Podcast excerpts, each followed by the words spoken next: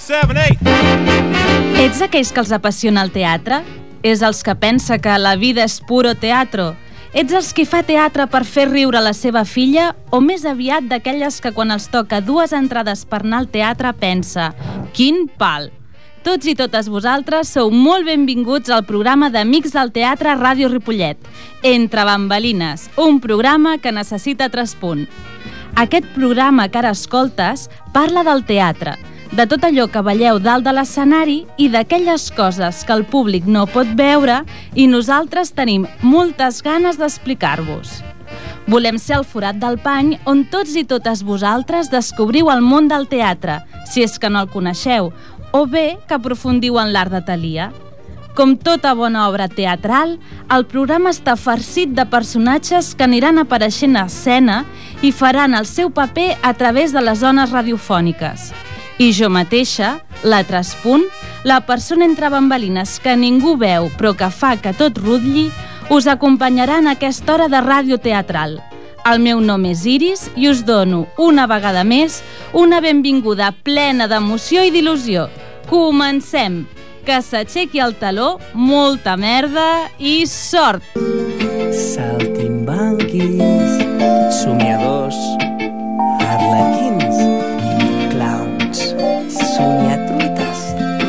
equilibristes, trapezistes, mims, mags, viatgers, il·lusionistes.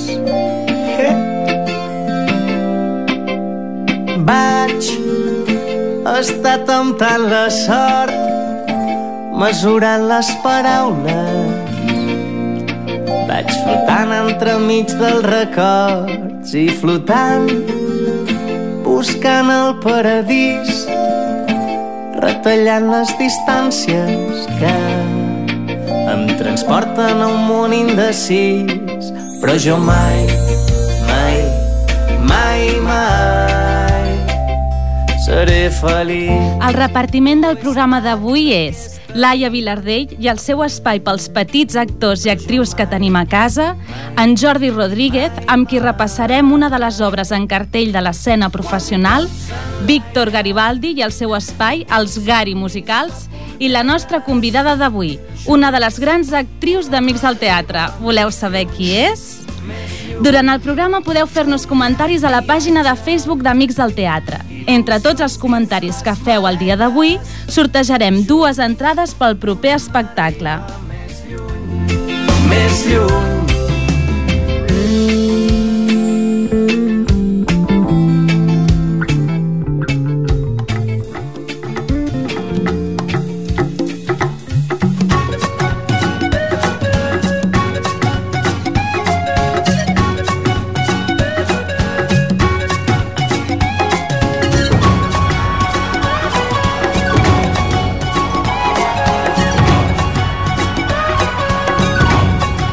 tenim al nostre estudi de, de Ripollet Ràdio a la Laia Vilardell. Benvinguda, Laia. Hola, bona tarda.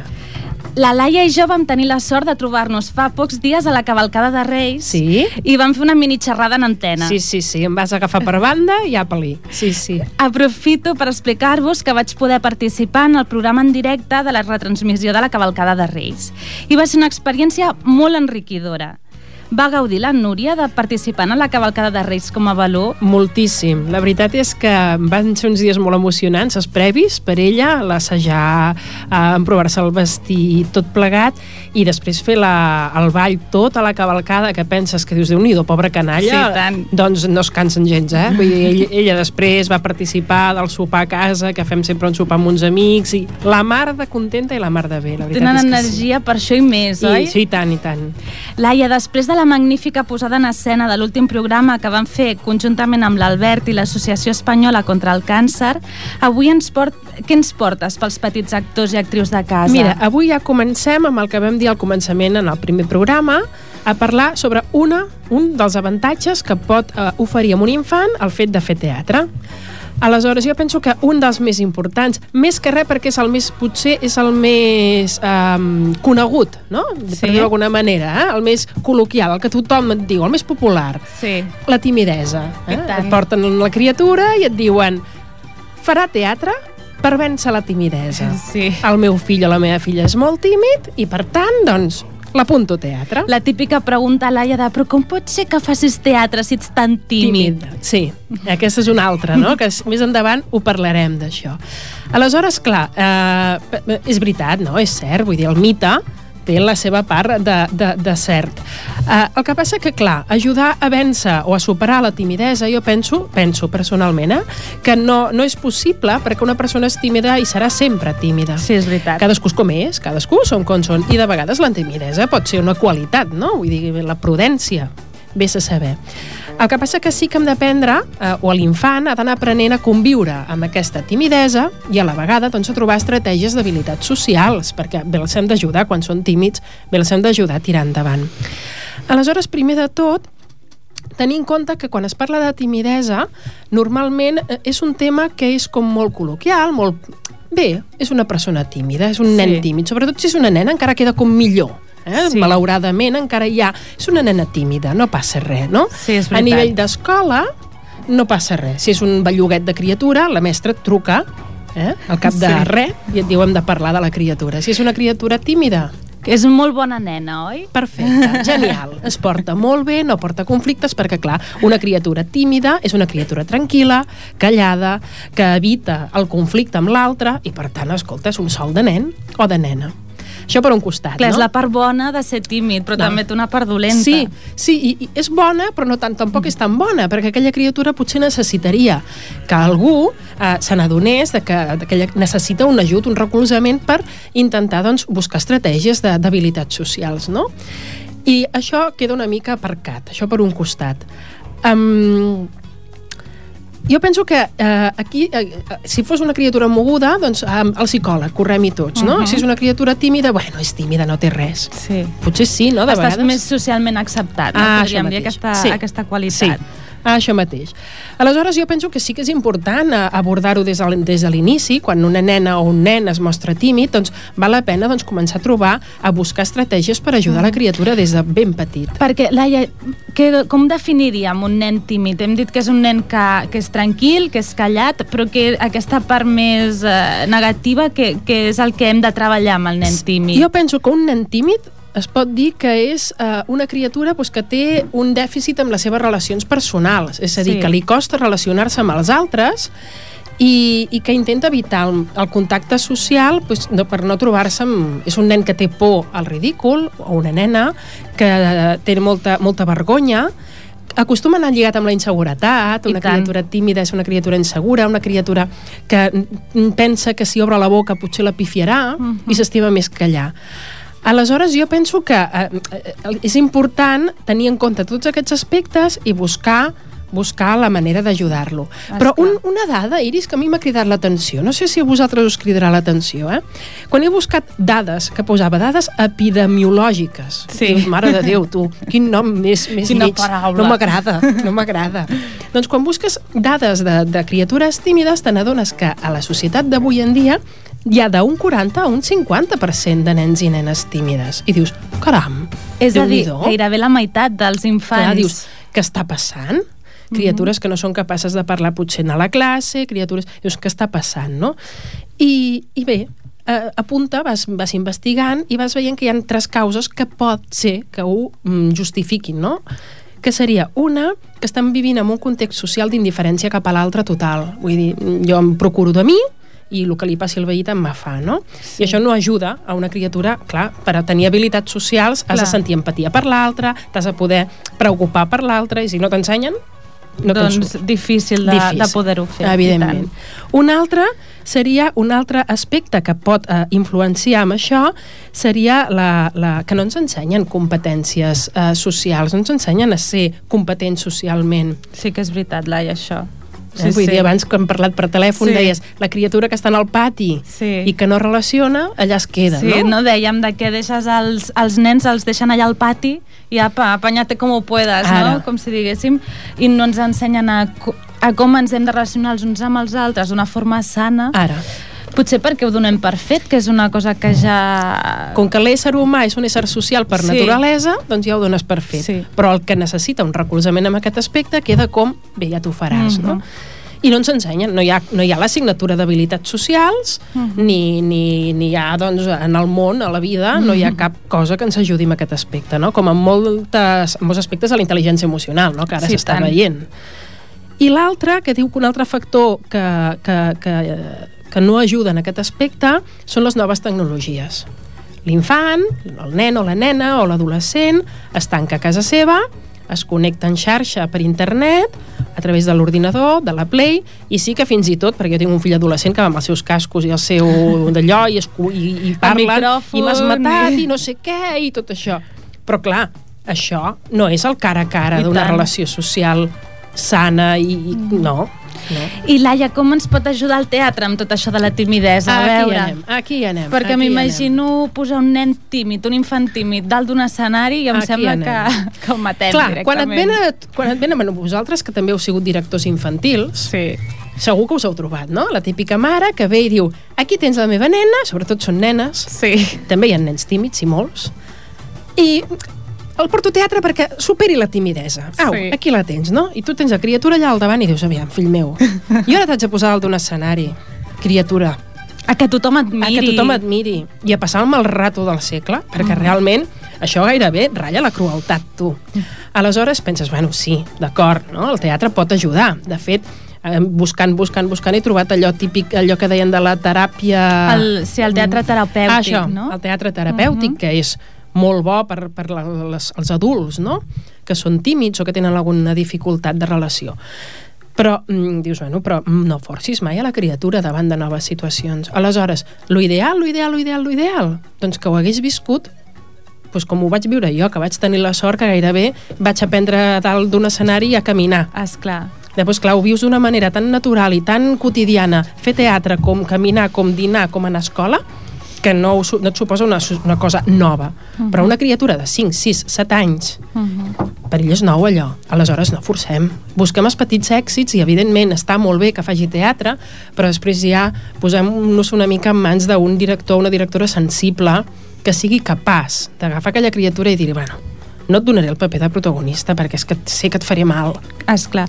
Sí, jo crec que això, Laia, que dius, és, és molt interessant, no? I els pares, eh, un dels consells, si els hi podem donar algun consell, Mhm. no, des del punt de vista de que hem sigut directors infantils i tu, a més, ets una professional de, de l'educació, és de que coneguin molt bé a les persones que, que Sí. estan davant d'aquest projecte teatral. Sí. No és apuntar-lo teatre i prou, Exacte. sinó saber qui porta aquell projecte, qui és el director d'aquella canalla. Sí. I si és una persona doncs, que té eh, una mica doncs, això, no? de sentit comú i d'instint, perquè realment Sí. no cal tenir una gran titulació. Senzillament veus aquella criatura que pateix pues, ser empàtic i comprendre'l. I els petits èxits que siguin grans èxits Mhm. per ell. I ja està. I ajudar-lo que vagi agafant seguretat i mica en mica anirà doncs, trobant estratègies, no? L'interessant que és, Laia, de veure un nen o una nena tímida que li dones un paper, un mini paper en què ha de fer algun personatge que és extrovertit, no? El fet de que es posa clar, en el lloc d'un personatge Sí, sí, i aquesta és una de les teràpies que es recomanen, no? Quan fas teatre, aprens a fer altres personatges que tu no ets, no? Tots tenim un rol i tots tenim una etiqueta posada, no? Jo sóc tímic, jo sóc mogut, jo sóc no sé què, jo sóc nerviós, jo sóc... Quan fem teatre resulta que hem de deixar de ser allò que ens diuen que Exacte, som, ens traiem la nostra etiqueta ara, i hem de posar-nos una, una altra etiqueta. En el cas de nens tímids, jugar a ser extrovertits els pot ajudar Molt. Perquè poden arribar a ser-ho una mica, no? I Vull tant. dir, es poden encomanar del personatge. I a més, el seu director o directora ajudarà a donar-li eines perquè li explicarà com és un personatge extrovertit. No? correcte. Llavors és una forma de Correcte. d'ajudar-lo, Sí. de donar-li, al final és el que dius, Correcte. eines a donar-li eines, vull dir, i ell les anirà traient, i ell anirà Sí. agafant... Clar, la nostra feina és donar una pila d'eines perquè cada criatura agafi l'eina que li interessa, Mhm. o que li va I més tant. bé, i ja està, I el que deies i al- acompanyar-lo. Clar, i el que deies al principi de, ens, de que convisqui cadascú amb com som. I tant.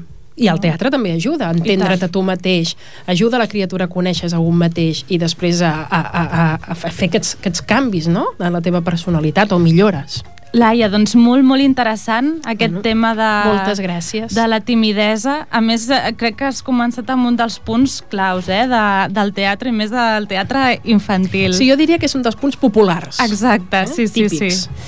Doncs uh, moltes gràcies, ens veiem el proper mes, Laia. Amb molt de gust. Doncs uh, aquí estarem. Molt bé.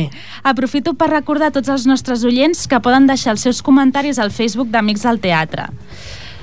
I, si us sembla, uh, passem ara a parlar amb la nostra convidada d'avui.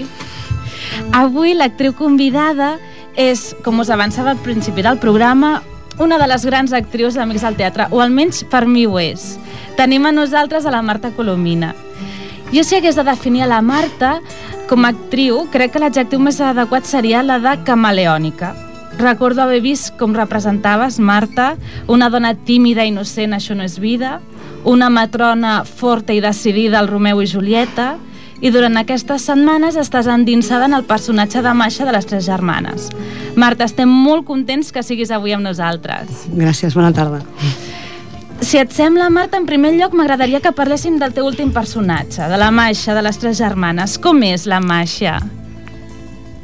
S'ho pensa. La Marta em diu, a veure, aquesta pregunta és complicada. És complicada.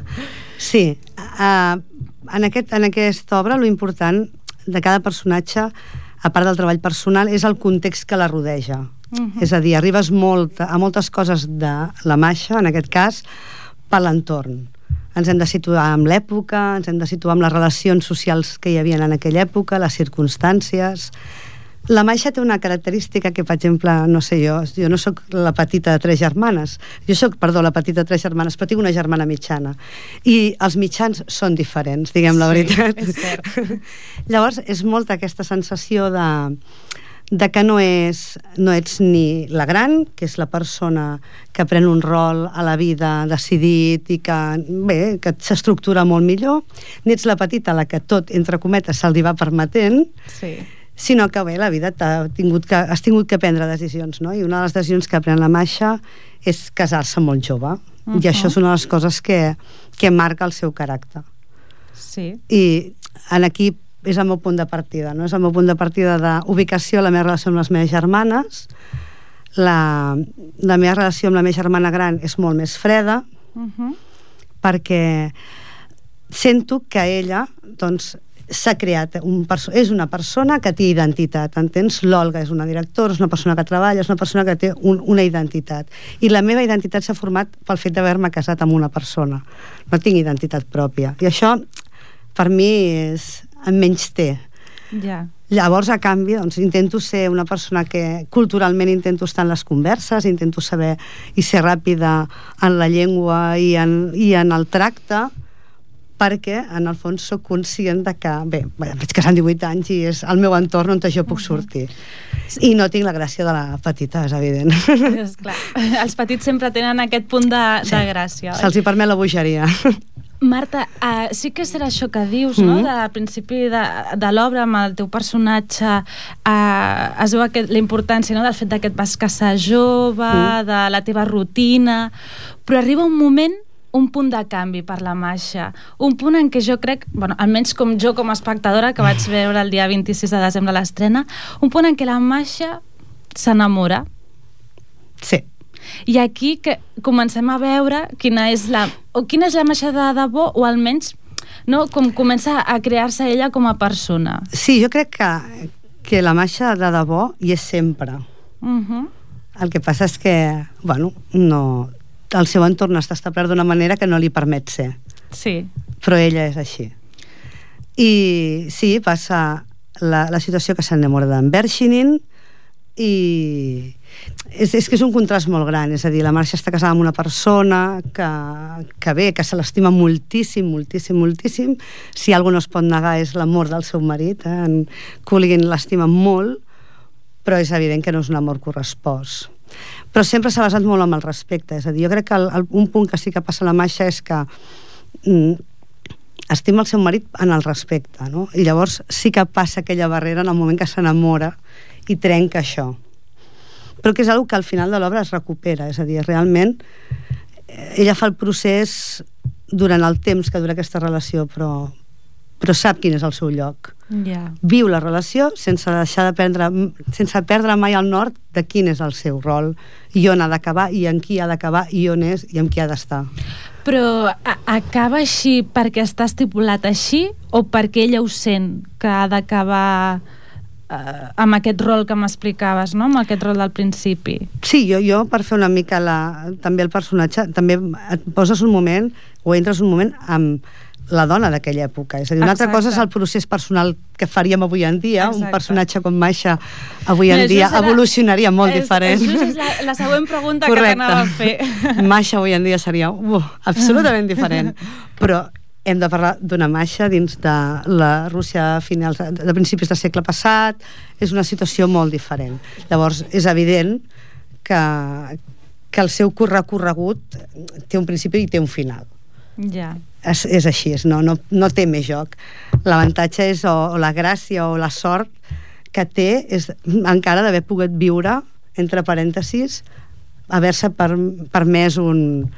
Sí, un, un moment de viure, ho dius sí, molt bé correcte, perquè de viure. jo, jo crec que durant l'obra eh, te n'adones de la poca capacitat que tenen les tres germanes per estimar Mm.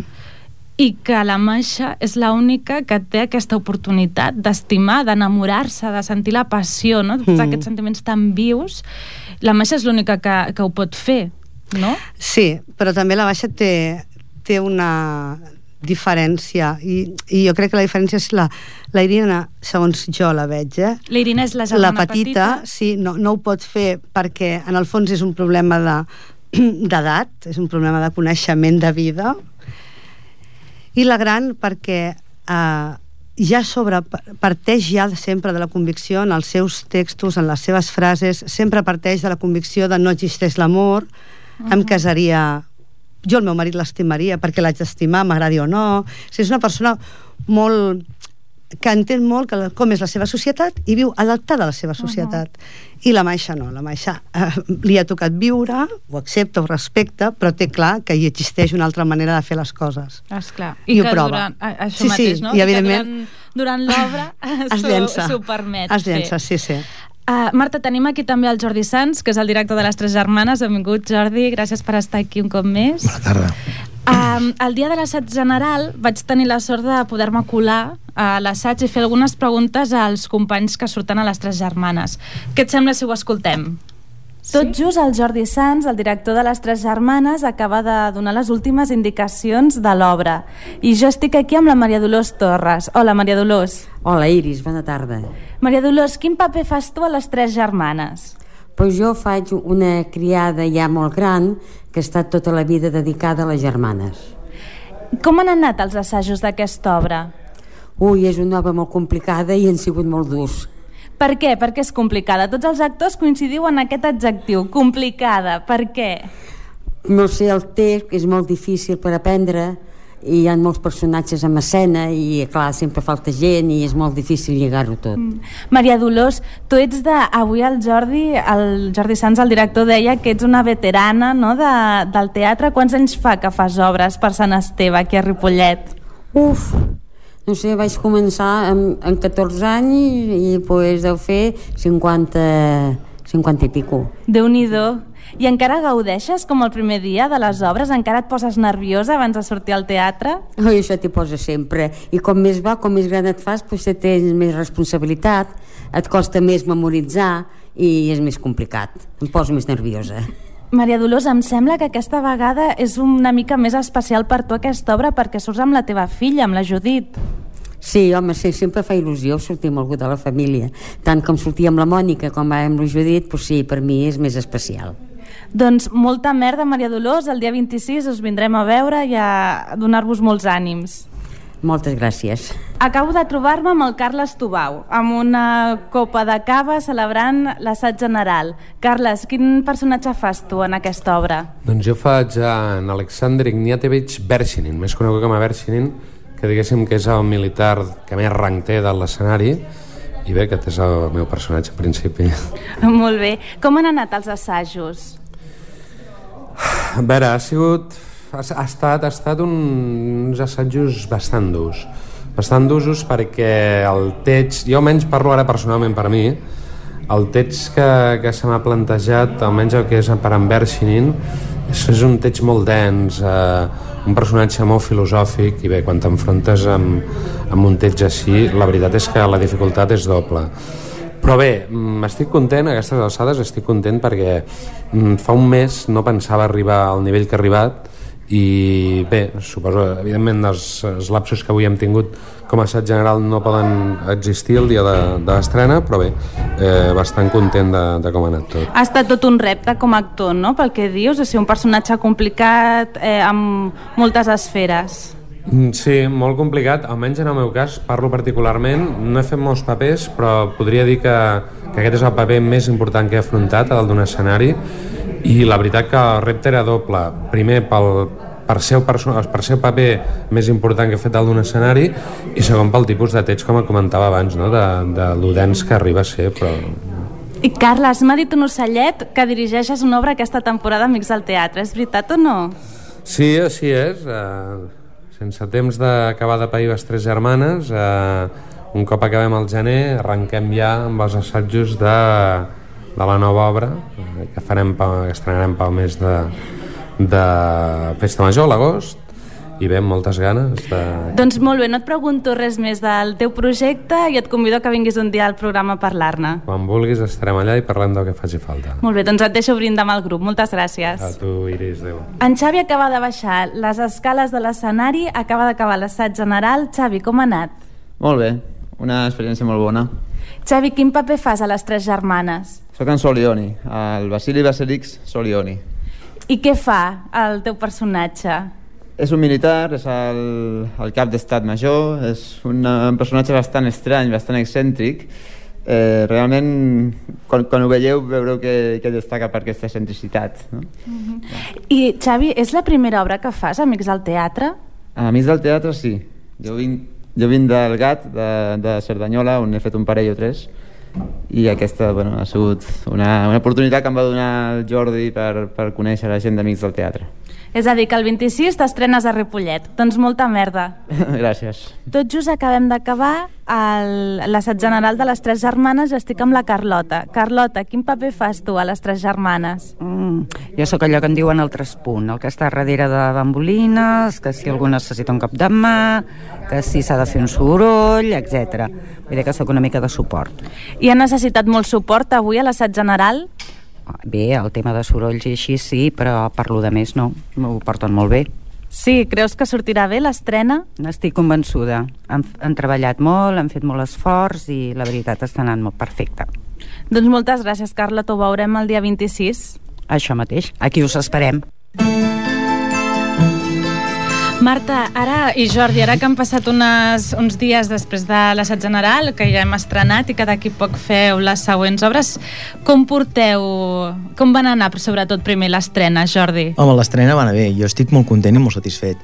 Potser a la millor el que podria destacar és que en algun dels eh, quadres, dels actes, perquè són quatre quadres eh, mm, dividits en, do, en, en dos actes, que potser un quadre potser millor li faltava una miqueta més de ritme. És com ha dit també abans la, la Marta, que també és veritat que és un text molt, molt complicat, Sí. és un text molt ten, o sigui, molt, molt, molt dens, no? Mhm. I llavors això comporta també, doncs, eh, doncs clar, vull dir, una, un ritme...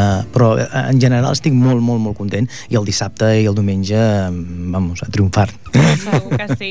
Com esteu preparant ara la, aquest cap de setmana, Marta? Doncs bé, hem seguit assajant eh, durant la setmana. Seguint assajant, seguint les indicacions sí, del director. Del Jordi. Jo voldria felicitar aquí, ja que la tinc aquí al davant, ha fet una descripció molt, molt, molt, molt ajustada de, de lo que és el personatge de la Maixa. Sí, la veritat és que sí. La veritat és que és tal i com l'ha la, la descrit, vull dir que és així, el seu paper. Gràcies, diré. Home, una floreta del dire sempre No, va no, no, bé. eh? Tot ajuda, tot ajuda. Estava escoltant aquí i la veritat és que sí, que ha, descrit d'una Sí. manera molt... I el públic ho captem tal com la Marta ho ha explicat. Sí? S'entén així? Sí, sí, Encara sí, sí, millor. que quan, vull dir que Encara està millor. molt bé, és molt maco. Doncs, si us sembla, aparquem una miqueta les tres germanes, Sí. Marta, i et pregunto una miqueta sobre tu, perquè jo estic segura que la gent voldrà saber una mica de la teva història teatral. Bueno. Amb quina edat vas començar a fer teatre? Vaig pujar en una obra de teatre dalt d'un escenari al 81. Fa 32 anys. ah, però dic fluixet. Ho diu fluixet perquè ningú ho escolti. Sí. Bé, pujar a dalt d'un escenari. És a dir, uh -huh. clar, en aquelles èpoques es va fer a la reteta que es comprava l'escaleta i érem les nenes petites que ballàvem, es va fer els pastorets i érem els dimoniets. O sigui que tu vas dir, començar sí, més sí, al teatre. Sí, sí, des de molt petita.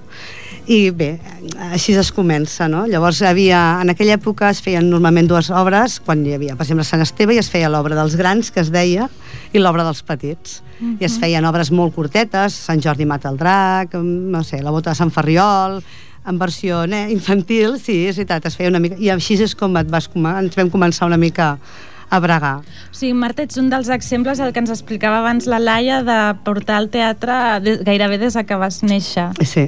Tens la, els teus pares o algun familiar feia teatre? Sí, bueno, a, a la meva família, el meu pare, la meva mare, la meva tieta, ells havien fet coses petites. El que passa és que sí que teníem una gran relació amb el, el que és el centre uh -huh. parroquial, llavors. El, el, per raons familiars, els meus, el meu avi, tot formava molta part d'allà, el meu pare amb el bàsquet, bé, per situacions era, era un entorn o un lloc en què hi anàvem, hi anàvem el diumenge al bàsquet, anaves a, a veure el cine, en què jo encara hi havia vist cine. Imagina't. jo encara hi havia vist cine. I, i per tant, bueno, doncs hi teníem una relació ja en, en, en el que és l'entitat en si. Uh -huh. I d'allà va començar una, Va, una, cosa porta, una cosa porta Una l'altra. història d'amor amb el teatre. Mm, bueno, la meva germana gran en feia, Ah, després sí? la, la meva germana mitjana Sí. i jo vam començar l'hora i bé, Molt aquí bé. vam anar fent. I potser una de les obres que recordes amb més estima, això m'ho diràs tu, és el Això no és vida. Donat que va ser premiada per la teva interpretació, no? Sí, bé. Ens ho expliques, això, com va anar? Uh.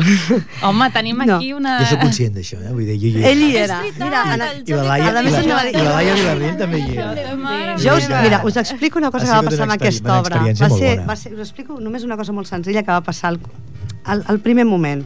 El director era el Jordi Rodríguez, ens reparteix els papers i l'obra, ens reparteix l'obra i ens diu llegiu-la i penseu una mica qui us agradaria fer jo la llegeixo, hi havia eh, cinc... Molt típic del Jordi, sí, eh, per sí, això. també. Eren quatre dones diferents, no? Cinc, cinc cinc dones. dones. perdó, cinc dones de, diferents i t'havies de mirar. I jo agafo a l'obra, me la vaig llegir i arribo a la conclusió que de les cinc n'hi ha dues que no puc fer, a dir, no, No pots no fer. puc fer-les, és a dir, no. I n'hi ha tres que sí, que em veig absolutament en cor. I el mateix procés que vaig fer jo el va fer la Laia, el va fer la Mònica López, el va fer la Maria Jesús i el va fer la Marta López. López. Uh, D'acord, arribem allà i en Jordi ens pregunta que, quins personatges són els que volem, no? I jo dic, mira, jo em vull que entre l'agressiva, eh, la, bueno, Sí, sí. aquells papers que ja em van més, diguem. I de cop em diu, doncs no, ets la tímida. I dic, perdó. sí, i doncs a un altre... Bueno, ens va canviar tots una mica aquest concepte que tenim de cadascú, no? A Sí, mi és, tant. més, és més fàcil fer de persona queda malament dir-ho, no? Grullera o més, o Sí, més sí, llançada. sí, sí, sí. I això. I clar, absolutament va ser per mi un repte, i a mi els reptes m'agraden. I tu vas passar bé. M'ho- Ens vam passar molt, Molt bé, molt un bé. record. Els tres a la És- en vegada. aquella, Sí, sí, sí, en aquella sí. obra I amb la boca grossa, eh? Vull dir en que- aquella obra Sí. va existir una cosa que ara mm, no ho sabrà tothom, Sí, és a dir, avui en dia existeix una cosa que és el WhatsApp, eh? Sí. Sí. i tothom té el seu grup de WhatsApp No de, hi ha de WhatsApp, però és com si hi hagués de WhatsApp. l'obra de teatre Sí, i tal, no? sí. Doncs en aquell moment en les obres, en el paper que tenim per estudiar, es va crear un WhatsApp a mà Sí, manual. que passava, Ah, de, passava de, de actor en actor, on Que es criticava el director. Que rule, que rule. Ah, abans de que vingui. Ai, ai, ai, ai, ai, el director. Sí, no, sí. no, un coneixement. Sí, sí. Però es va crear això, es va Home, crear és que el un Jordi dona per criticar, també. Va, eh? no, no, carinyo. es va portar bé, És un gran director, eh? Sí, sí, realment Va- es va va portar fer- És un gran director, molt, molt, molt molt bona bona feina. És un home que Bé. et sap treure, et sap treure, et sap treure allò que penses que no. Jo penso que hauria de dirigir molt més del que Sí, jo Sí. també ho penso. I llavors, bueno, Si ens senzillament... escolta. Si ens vaig- no, sí, sí que suposo que sí que Sí, ens segur que Clar, escoltant. clar, sí. només Sí, faltaria. sí, que- Pobre fill. Doncs eh, moltes gràcies, Marta, per estar avui amb nosaltres. Esperem que tornis ben aviat. Nosaltres podrem gaudir de la teva feina, de la feina que ha fet el Jordi, el proper dissabte 12 de gener a les 10 de la nit i el diumenge 13 a les 6 de la tarda al centre parroquial de Ripollet. Allà hi serem. Gràcies. A tots i totes els que ens esteu escoltant, podeu aconseguir les entrades per les tres germanes, això és important, enviant un correu electrònic a amicsdelteatreripollet arroba gmail.com amicsdelteatreripollet arroba gmail.com i a la taquilla el dijous 10 i el divendres 11 a partir de les 6 de la tarda i serem venent entrades a la taquilla del centre parroquial. Correcte. I si us sembla, Marta, tal que hem parlat del Jordi, ara, ai, que l'he criticat. doncs Ai, ai. està a punt d'entrar en antena amb nosaltres, el Jordi Rodríguez. Hola, Jordi. Un momentet. A veure si el tenim. Hola. Hola, Jordi, bona tarda, benvingut. Hola, què tal, què tal? Sí, sí, us estic sentint. Hola, He vist que se m'ha Jordi. encarregat molta feina així de cop. Sí, Sí, em sembla que has engreixat 10 quilos, eh? sí, sí, sí, sí. escolta, que bé. El que passa és que un, un, un és pare ara. I Ara- aleshores, quan és pare, fixa't que ha de fer les cròniques via telèfon. Ara tens una altra feina, oi? Sí, sí, sí. Bé, d'aquí poquet a veure si ens tornem a retrobar. No, Però vaja, reposi una eh, altra va- vegada, val a dir que qui s'ho va passar millor en aquella obra vaig ser jo, indubtablement. En Jordi ens obre les fronteres de la vila de Ripollet per fer una ullada a la cartellera teatral de Barcelona. Què ens portes avui, Jordi? Mira, Iris, avui us porto eh, la meva opinió personal d'una obra eh, presumptament còmica, i amb aquest presumptament ja podeu intuir per on va la crítica. L'obra es diu Toc Toc, eh, i jo l'he titulat la crítica com Toc Toc quan les expectatives no arriben a complir-se. Aquest passat desembre del 2012, mentre uns molt bons amics meus, quan no fan programes de ràdio o fan de cangurs dels meus fills, vaig anar al Teatre Borràs de Barcelona a veure l'obra Toc Toc. En principi, si ningú us explica res de l'obra abans, i només veieu el cartell publicitari i llegiu el seu títol, podeu encertar en un percentatge molt alt que el que aneu a veure és una comèdia, una comèdia gruixuda, de riure fàcil. En un primer moment, el nom ens podria semblar que es tracta de l'onomatopeia del soroll que fem quan es truca a la porta, i possiblement sí que es juga amb aquesta possibilitat. Toc, toc, entreu, entreu, benvinguts al teatre, aquí us ho passareu bé. Però la veritat és que som a l'època de les cicles, dels missatges curts i breus, de la comunicació ràpida, i TOC correspon a les sigles de trastorn obsessiu compulsiu. I què és això? Doncs el TOC és conegut avui dia com un problema comú, molt comú, que afecta el 2% de la població, és a dir, a més de 100 milions de persones en el món, i que bàsicament consisteix en comportaments i conductes, eh, podríem dir-ne un pèl estranyes. Obstinació en l'execució d'accions repetitives, exigència que les coses estiguin disposades d'acord amb determinades pautes o distribucions simètriques, eh, col·leccionar objectes insignificants dels quals no ens podem desprendre, buscar sentit als nombres que apareixen al voltant, sumant-los, eh, restant-los, canviant-los d'ordre, obsessió per la neteja, etc etc etc. Amb tanta gent eh, afectada al món, m'atreviria a dir a l'anomenat primer món, és molt fàcil que tots tinguem molt present algú proper amb algun d'aquests símptomes. Doncs bé, el text de l'obra Toc Toc, que signa el francès Laurent Bafí, pren gairebé tots els tipus de trastorns obsessius compulsius coneguts, els posa en una coctelera i els reparteix en sis personatges que els pateixen i mostren de manera extrema. I aquesta és la gràcia de l'obra. M'atreviria a dir que la única que té. Un dels principals recursos de la comèdia en general és presentar-nos un personatge o conjunt de personatges patint un problema que podria ser el de l'espectador, però que en aquell moment no ho és. Vaja, que quan els problemes no són molt greus, ens fa riure com els altres no se'n surten d'un atzucat del qual nosaltres tampoc ho faríem. Però, noi, afortunadament en aquell moment no el patim. Un exemple molt típic. Ens fa riure com algú rellisca i cau i ens sentim d'allò més ridículs si som nosaltres els que entrebanquem.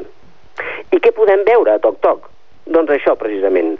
Una colla de problemes que en són molt coneguts per la quantitat i proximitat de gent que els pateixen i que fins i tot potser inclús nosaltres patim, però que l'escenari i els personatges encara els hi són més greus, més exagerats i més contundents. Ara bé, després dels primers 20 minuts d'obra, quan ja s'ha repassat i exhibit tot el mostruari de tocs i totes les possibles caramboles que se'n deriven de la interacció entre els malalts que el pateixen, el text no dona per més. No tenim cap conflicte a resoldre, cap argument més enllà de la ja mencionat catàleg de trastorns, cap fil argumental al que agafar-nos, i ni tan sols té un desenllaç original si heu vist la més que repetida i premiada, el mètode, Gro el mètode Gronholm d'en Jordi Galceran. Sobre els actors i actrius d'aquesta versió catalana de Toc Toc, he de dir-vos que no tots estan a la mateixa alçada. I si bé a vegades unes actuacions excel·lents fan oblidar un text mediocre, en aquest cas tampoc es compleix. Vull destacar, això sí, un genial Santi Ibáñez i el seu toc numèric, així com a un Òscar Ramos i el seu trastorn sobre l'ordre, la simetria i les línies rectes. I una, també, molt divertida, Anna Moliner, amb la seva obsessió de repetir-ho tot. La resta d'actrius i actors trobo que estan molt per sota. La Mercè Coma, sense anar més lluny, recordant-me constantment el seu antic paper de tresina amb la companyia La Cubana. La Noel Oliver, que no acaba d'aprofitar la seva mania de netedat i pulcritud. I un molt fluix Pep Cruz, que no deixava de fer-me venir al cap a qualsevol dels mestres de cerimònies d'antigues obres en les que ha participat. Per exemple, el Gran Tonet a Flor de Nit o l'inspector a la vampira del Raval, en les quals va estar molt encertat, però a toc-toc no tocava. Perdoneu el joc de paraules. La Isabel Bres té un paper d'infermera amb molt poca presència a l'obra que defensa sense cap pena ni glòria. En definitiva, havia anat al teatre amb la intenció de riure, de riure molt, i malgrat totes les perspectives, toc-toc, només va poder arrencar-me algun somriure breu i molt esporàdic. I ja per acabar, i com a actor amateur que sóc, estic segur que molts grups no professionals estaran tentats de voler muntar aquesta obra. Bé, doncs, vigileu. Si amb recursos professionals toc-toc no arriba enlloc, és molt probable que amb menys possibilitats l'obra ni tan sols arrenqui. I fins aquí la meva opinió. Si no serveix, ja ho sabeu, a la brossa directament. Jordi, moltíssimes gràcies per la teva opinió d'avui, molt, molt interessant. Hauries d'haver-nos vist les cares de tots aquí es escoltant-te ben atentament. Això és que no enteneu res del que dic, potser. Això és que ets, ets una enciclopèdia teatral i tu sí, ho saps molt i bé. tant. Eh, Jordi, t'esperem el proper mes amb noves opinions i una petita sorpresa, oi que sí? Oh, jo crec que sí. Molt bé, doncs fins al mes vinent, un petó ben fort. Un petonàs a totes i una abraçada a tots. Adéu, que vagi bé. Adéu. Adéu, Jordi. Marta, què et sembla el programa? Estàs a gust? Sí, sí, perfecte. Sí? Doncs, mira, et convido a continuar amb nosaltres i a participar en el nostre proper espai, que es diu Els Gari Musicals. Benvingut, Víctor Garibaldi. Moltes gràcies, Iris. El Víctor, no sé si ho sabies, Marta, però és un apassionat dels musicals. I amb ell cada mes gaudim d'una de les grans obres musicals de la història. Víctor, quin musical has triat avui? Doncs mira, eh, he triat un dels musicals que, tot i que no és dels més antics que hi ha, tot s'ha de dir, és un musical dels anys 80, és un dels grans musicals de la història del musical. De fet, eh, estem parlant dels Miserables, un musical basat en la novel·la de Victor Hugo. Victor Hugo era un escriptor de, de França, eh, de l'època romàntica, del romanticisme. Eh, va escriure aquesta novel·la el 1862. Eh, ell era això, va, va viure durant al llarg del, del segle XIX i va ser una persona molt compromesa amb, amb, la, amb tota la història de, de França d'aquella època. Mhm. Va participar activament a nivell polític, amb l'Assemblea Nacional Francesa, etc. Però bé, d'aquella història d'una crítica social molt gran i molt forta, eh, al cap dels anys, al cap de ben bé uns més de 100 anys, eh, dos, dos eh, francesos van agafar la història aquesta, concretament l'Alain Bou- Bouville i el, i el Michel Schoenberg, i van escriure aquesta obra, no només eh, adaptada al teatre, sinó també a nivell musical. Molt bé. És a dir, que dos francesos van agafar eh, aquesta obra, que era una novel·la escrita del Victor Hugo, i la van Mhm. posar en musical. Ah, això mateix. Uh. -huh. Cal dir que són dos dels, dels escriptors o dels, de, de les persones que fan eh, que han fet mm, teatre musical eh, més importants, perquè a, a Mhm. part dels Miserables havien fet altres espectacles musicals i també van fer Miss Saigon, per exemple, al cap d'uns anys. I m'imagino que quan es va estrenar va ser un excitàs, Els Miserables. Doncs mira, es va estrenar el 1980 Sí. a París, eh, sent una obra francesa, doncs potser... En és- 1980, no, gaire, no fa sí, sí, gaire, no, doncs. fa res, poc, poc més de 30 anys. Mhm. I en realitat va durar 3 mesos. Tres mesos. En taquilla, sí, sí. No va tenir un èxit mm, espaterrant, per dir-ho d'alguna manera. És veritat que al cap de poc temps, al cap d'un parell d'anys, eh, a Anglaterra es van interessar i per aquesta història i la van, la van voler portar al West End, a Londres. I allà les crítiques inicials no van ser gaire bones, però al cap de tres mesos van veure que omplien cada dia el teatre i van decidir prorrogar-ho. Mhm. Tant va ser aquest l'èxit que dos anys més tard es va portar a Broadway amb un èxit espectacular, escandalós, fins al punt que Els Miserables avui en dia és la tercera obra que ha durat més temps a dalt dels escenaris de Broadway. És a dir, que Els Miserables és un dels grans exemples de que la crítica real és la crítica del públic. Doncs sí, en realitat sí, sí, sí. I què ens explica Els Miserables? Doncs mira, Els Miserables, tal com estàvem dient, és una crítica mm, social, però sobretot en, en aquella època on, on hi havia, on es venia d'un estat eh, de monàrquic, molt absolutista, on hi va haver una revolució francesa i, i els i els mateixos eh, personatges són els que passen per, per diverses situacions, inclús hi ha personatges de, de cadascun de, de diversa posició social. Uh -huh. Però dins de cada, cadascú té aquesta... té una part de miserable que és el que el Víctor Hugo volia reflectir.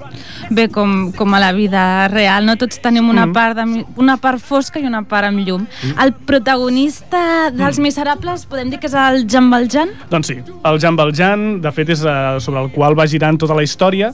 Uh, és un, uh, una persona que l'empresonen per, estar, per robar un tros de pa pel seu nebot, que, que té gana, i està 19 anys complint condemna per culpa d'això. Uh, té un, un, un podríem dir un, un carceller, no? o algú que uh -huh. s'encarrega de, del que s'encarrega de tenir-lo sota custòdia i, i que no i que no s'escapi tot, uh -huh. que és el Javert, que un cop el Jean Valjean el Javert li, li dona permís per marxar Eh, el Jean Valjean incompleix la condicional, com es podria dir eh, avui en dia, i el Javert s'està tot el musical anant-lo al darrere per intentar-lo tornar a empresonar perquè, perquè ha de fer complir la llei. Sí. Amb tota aquesta història, el Jean Valjean va coneixent gent, va, va passant per diverses fases, i arriba un punt en el que mm, després de renegar de tot el seu passat es vol canviar el nom eh, opta per una vida més catòlica una vida, ell entén que millor més creient i en aquest procés coneix a una, a una dona que es diu Fantin, que, que treballa a la seva fàbrica, una fàbrica que ell acaba, que ell, de la, que ell n'és capatàs, i la Fantin la fan fora, ell quan se n'adona intenta corregir l'error però, però no, no arriba a temps de salvar-la. La Fantin passa per una...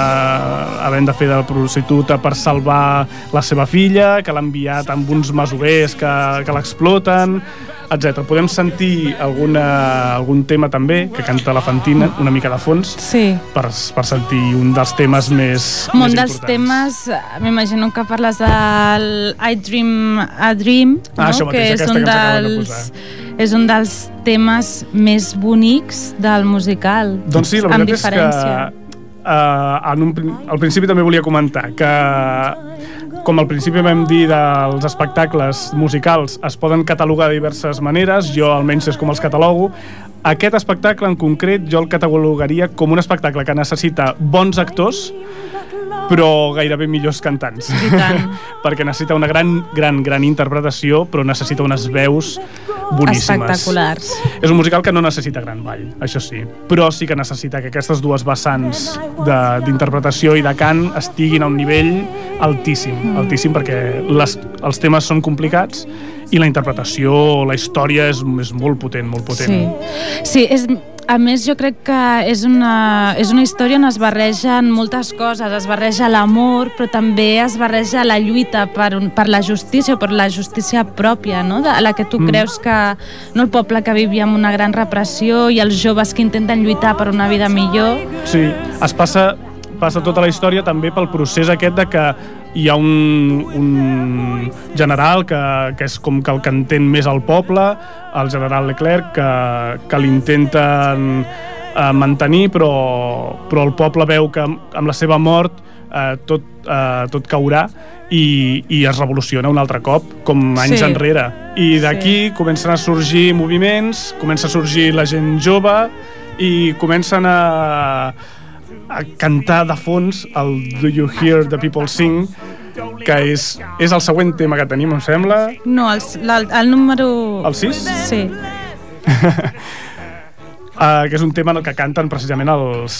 Dic, anem avançant rapidet perquè que anem una mica justos de temps, per això passem de temes. És un tema que canten els, els revolucionaris, no?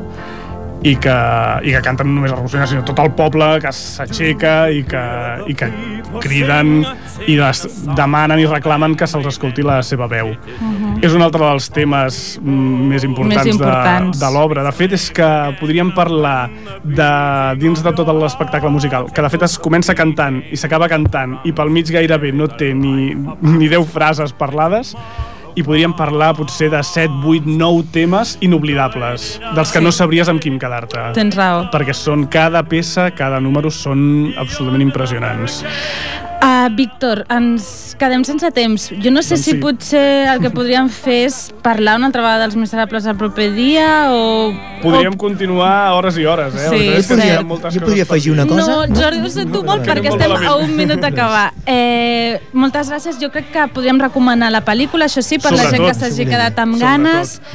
Moltíssimes gràcies a tots els que heu vingut avui en el programa i res, ens acomiadem. Um, hem arribat al final del programa. Uh, moltes gràcies, Marta, per la teva presència. Ens dius, si us plau, un número per la, de l'1 al, al 5. El 4. El 4, molt bé. Doncs ara el Víctor ho busca, qui és qui ha guanyat, i ens veiem el, el proper mes de febrer. Una abraçada a tots i fins aviat, fins al febrer.